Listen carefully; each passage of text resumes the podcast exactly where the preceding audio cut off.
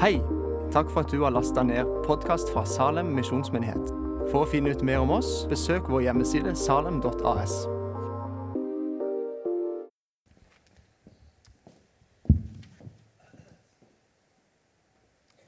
Gledesbud til Jerusalem. Jesaja 41-5. Trøst, mitt folk, sier deres Gud. Tal til Jerusalems hjerte og rop til henne. At hennes strid er fullført, at hennes skyld er betalt. At hun har fått dobbelt fra Herrens hånd for sine synder.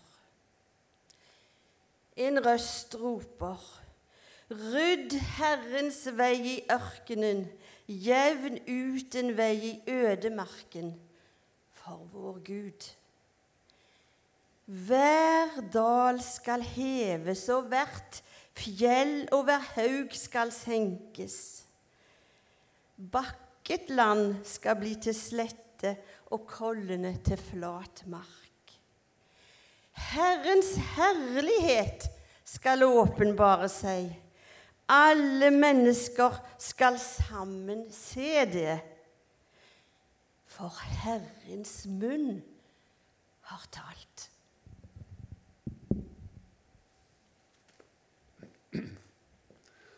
Slik lyder Herrens ord på haugesundsk.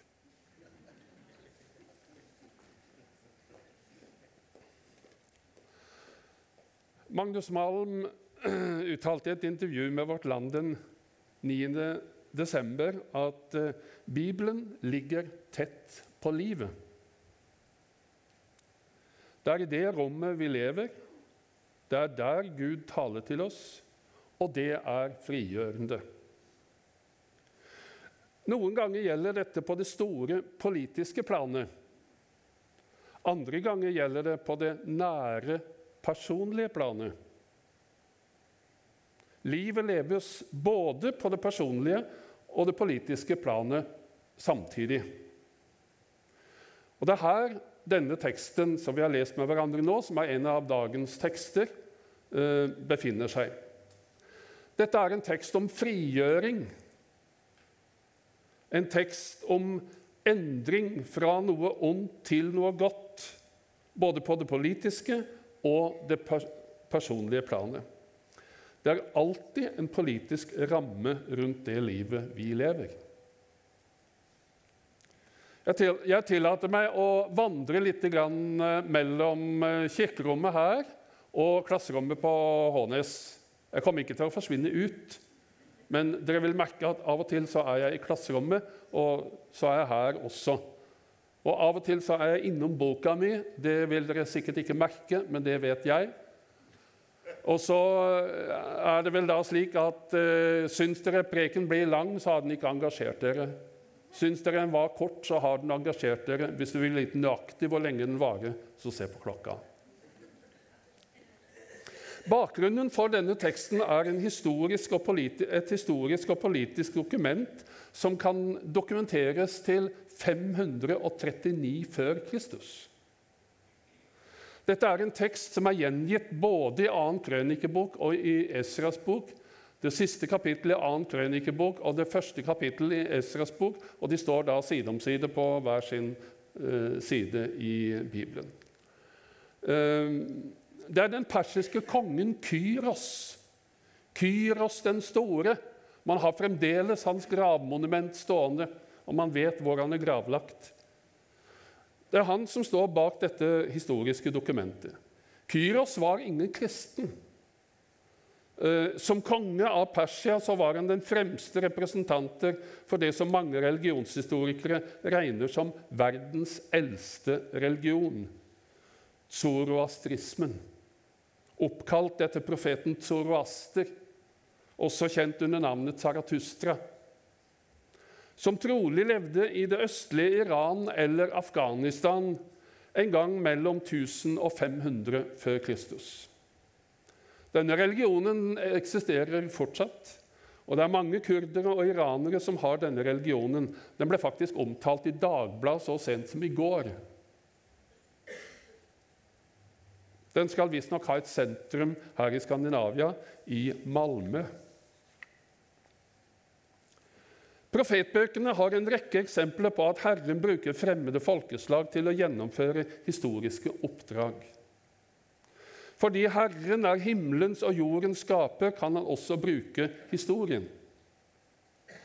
For det står i Salme 24, det første verset, at jorden og det som fyller den, hører Herren til. Verden og de som bor der, er hans. Det betyr ikke at Herren detaljstyrer alt som skjer i historien. Her er det ikke snakk om noen detaljstyring. Derfor er det helt galt at Gud har alt under kontroll, som en amerikansk politiker fra Alabama sa på TV denne uken. Hva hadde Israels profeter hatt å gjøre om det var så enkelt? Også Jesus klaget over at folket ikke, eh, vil, ikke ville det han ville.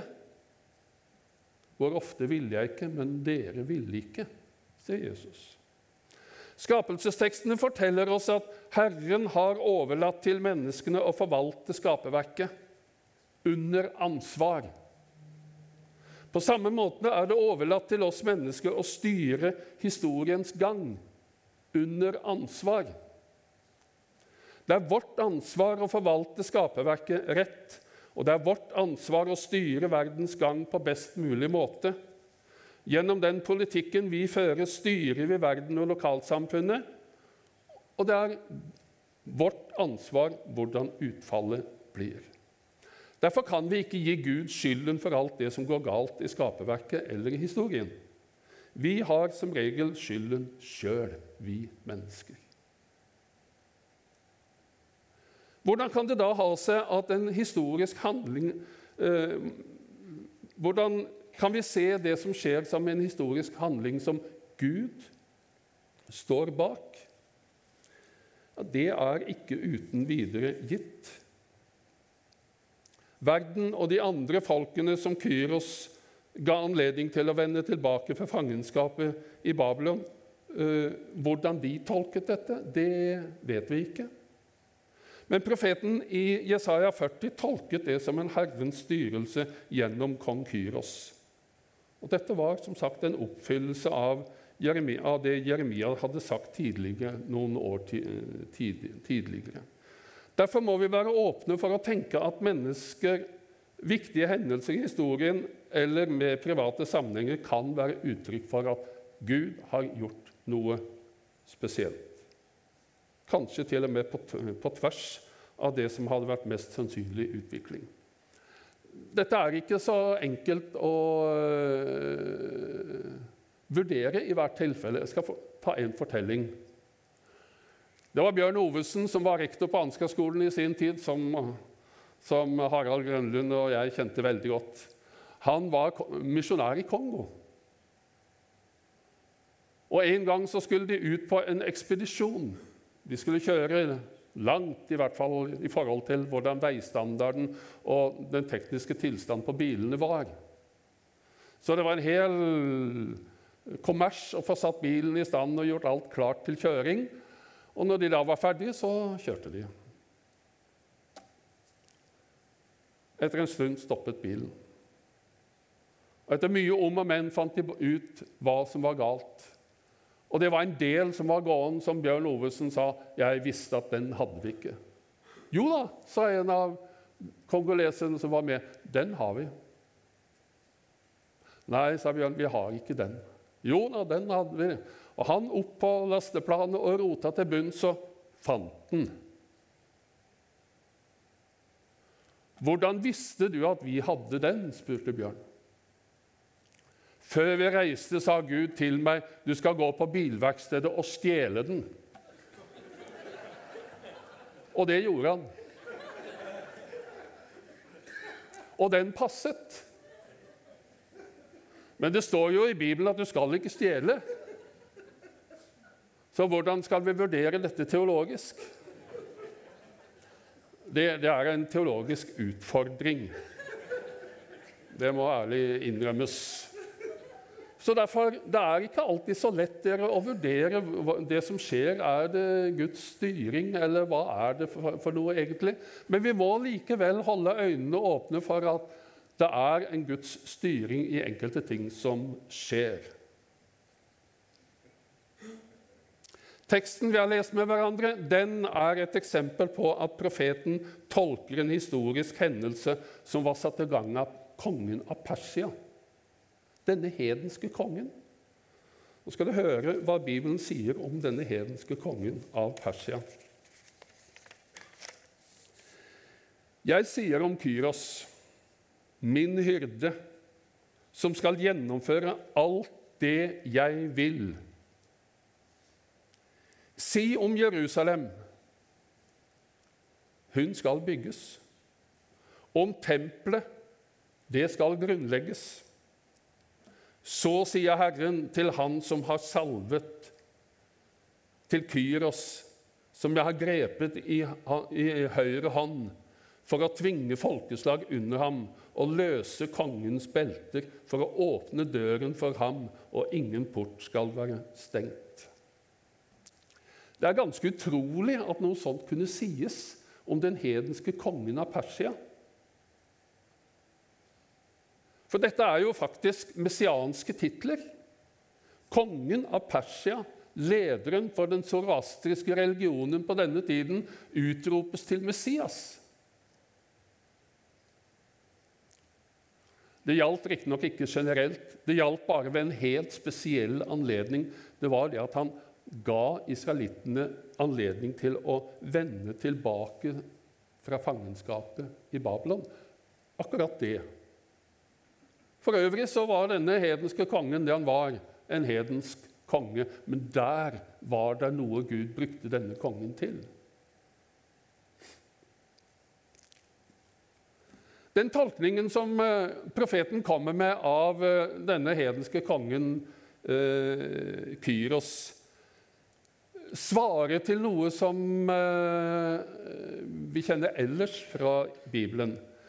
For her leser profeten inn i rammen av en annen grunnleggende hendelse i Israels historie vandringen fra Egypt til det lovede landet. Denne er også forstått som en Herrens styrelse i historien, slik den er skildret i 2., 3., 4., 5. Mosebok og Josvas bok. Dette gjør profeten slik at Babylon svarer til Egypt. Og vandringen fra Babylon tilsvarer vandringen fra Egypt. Og Jerusalem svarer til det lovede landet. Herren skal gjøre om igjen noe han har gjort tidligere. Det han gjorde tidligere med Israel fra Egypt til det lovede land, skal han nå gjøre om igjen fra Babylon til Jerusalem. Det er en rekke utsagn i denne delen av Jesaja-boken, kapitlene 40-55, som spiller nettopp på denne skildringen av det som skjedde underveis eh, til det lovede landet. Nå skal Herren gjøre det samme en gang til når israelittene vandrer fra Babylon til Jerusalem. Teologi er en stadig ny formulering av gamle tanker. Egypt og Babylon. Disse to stedsnavnene står i Bibelen for alle livets elendigheter. Når åpenbaringsboken skal skildre Roma, så kalles Roma Babylon. Når dommen over Roma skal beskrives, så er det dommen over Babylon som er eksempelet i åpenbaringsboken 17-19. På den andre siden så står Jerusalem som verdens idealsted. Historisk sett var Babylon en mye større og viktigere by enn Jerusalem var. Jerusalem var en liten småby oppe i Judas fjelland, bare sammenlignet med Babylon. Men ingen by i Bibelen er viktigere enn Jerusalem. Den er jordens navle, står det i Esekiel 38, 12. Den er bygget på det høyeste sted i verden. Det var det jo ikke. Ikke fordi det faktisk var slik, men fordi den var det sted Herrens navn bor på jorden. For der sto paktkisten, og det var det stedet på jorden som Herren var åndelig til stede. Derfor står det i Salme 48.: Stor er Herren, og verdig lov og pris i vår Guds by, på Hans hellige fjell.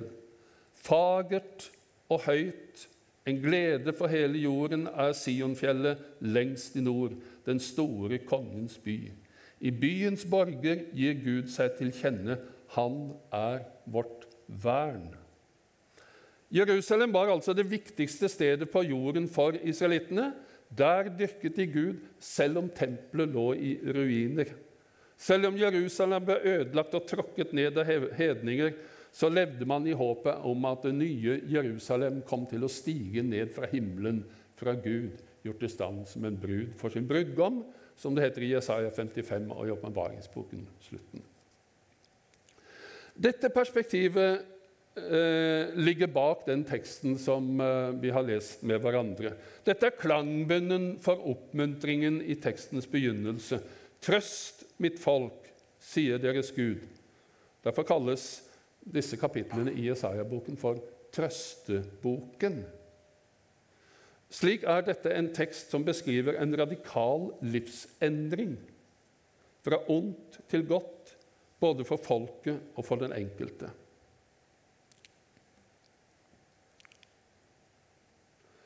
I profetens poetiske språk så beskrives hvordan straffen for Jerusalems gudløshet er sonet. Striden er fullført, skylden er betalt. Nå skal det ryddes en vei gjennom ørkenen, gjennom fjell og daler skal slettes ut, slik at folket kommer raskt hjem. Vi får liksom inntrykk av å se hvordan man bygger moderne motorveier hvor alt sammen valses ut, og det blir en fin vei ut av det. Eh, slik skal Herren, Herrens herlighet viser seg ikke bare for folket selv, men også for dem som blir vitne til at Herren gir folket framtid og håp som profeten Jeremia hadde sagt. Når 70 år er gått for Babel, skal jeg se til dere. Da skal jeg oppfylle mitt eh, gode løfte for dere og føre dere tilbake til dette stedet. For jeg vet hvilke tanker jeg har med dere, sier Herren, fredstanker og ikke ulykkestanker. Jeg vil gi dere framtid og håp. Derfor tolker profeten dette som en nådens tid en frelsens dag, da Herren besvarte folkets bønnerop i Babylon, der de ifølge Salme 139, 77 satt og gråt ved elvekanten. Husker dere Bonnie M? Hør nå.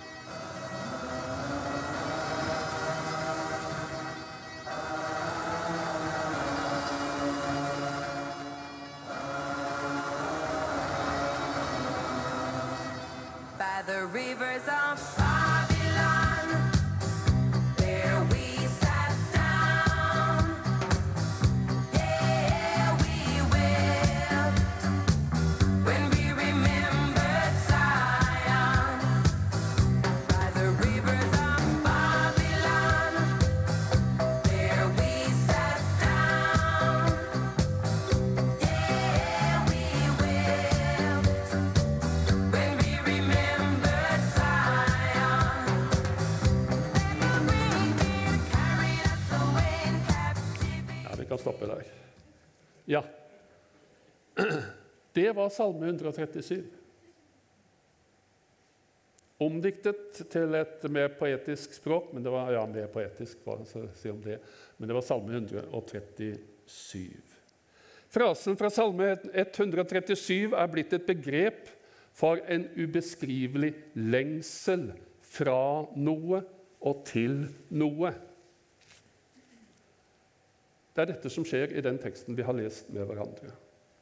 Profeten selv har en viktig rolle i denne historietolkningen, men han blir ingen hovedperson.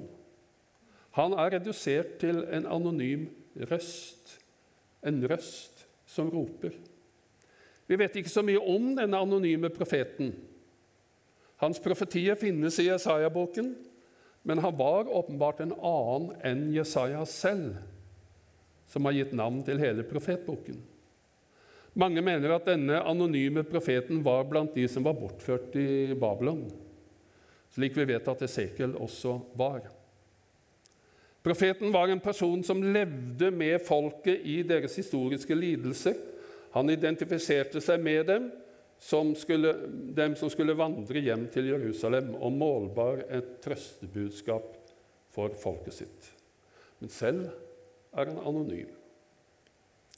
Her kunne jeg ha sluttet preken.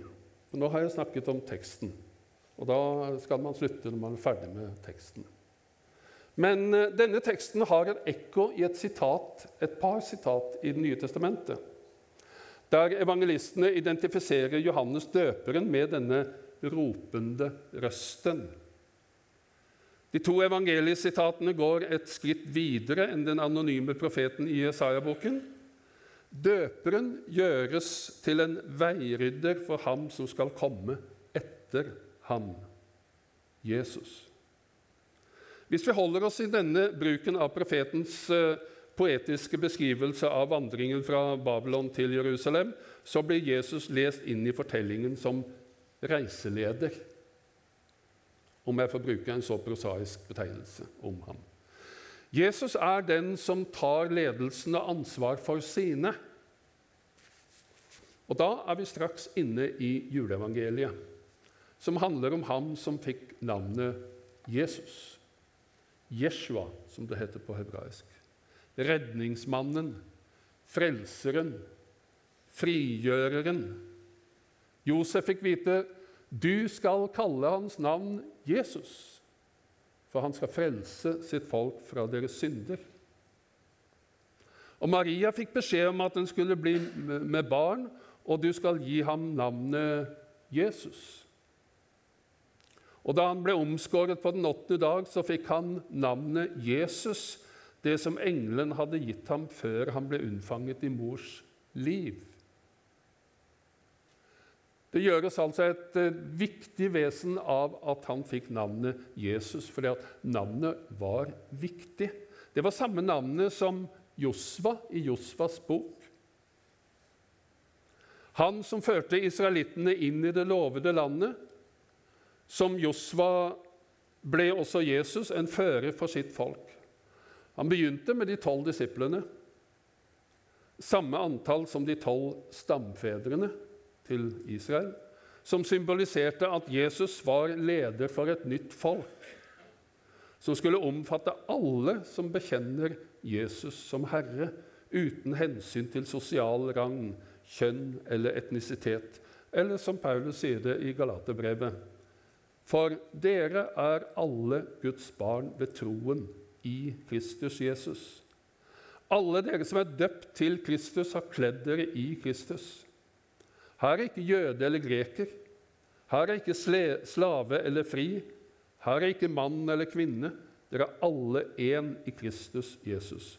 Og hører det Kristus til, er dere Abrahams ett og arvinger etter løftet.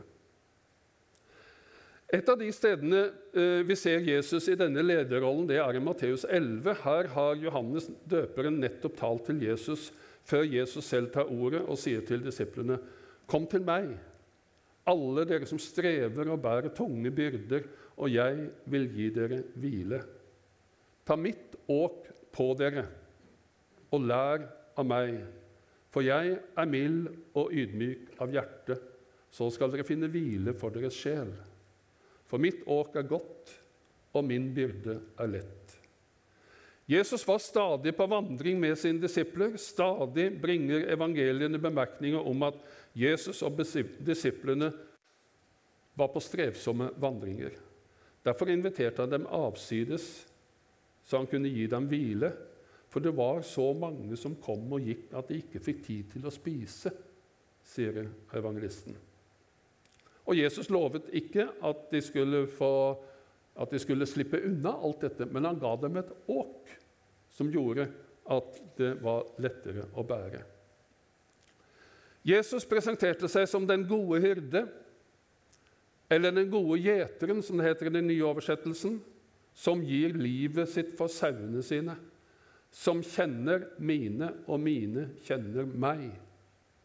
Her pleier jeg å fortelle uh, en opplevelse fra min egen barndom som illustrerer akkurat dette.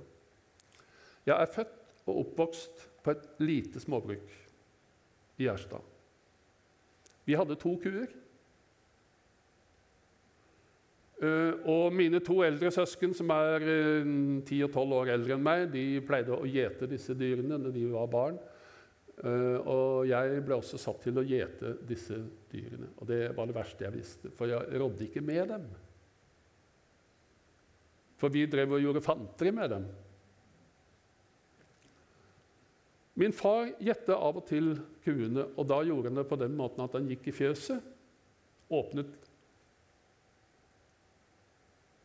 Han gikk i fjøset, åpnet døra og gikk foran, og så gikk kuene etter. For de var vant til at han ga dem høy og vann og melket dem. De kjente ham, og han kjente dem. Og når han hadde vært i skauen med dem så lenge som han ville, så gikk han hjem og så gikk kuene etter. Inn i båsen. Han var en god gjeter. Og det er det bildet Jesus bruker. Han er den gode hyrde. Han var på en måte med på vandringen fra Babylon til Jerusalem. Og han er med på vår livsvandring for alle oss mennesker i dag som bekjenner Jesus Kristus som Herre. Han er den gode gjeteren. Han eh, lar oss ikke slippe unna livets vanskeligheter, men han gir oss det åket vi trenger for å bære disse tunge byrdene gjennom livet. Og da skal vi synge 'Hvilken venn vi har i Jesus'. Amen.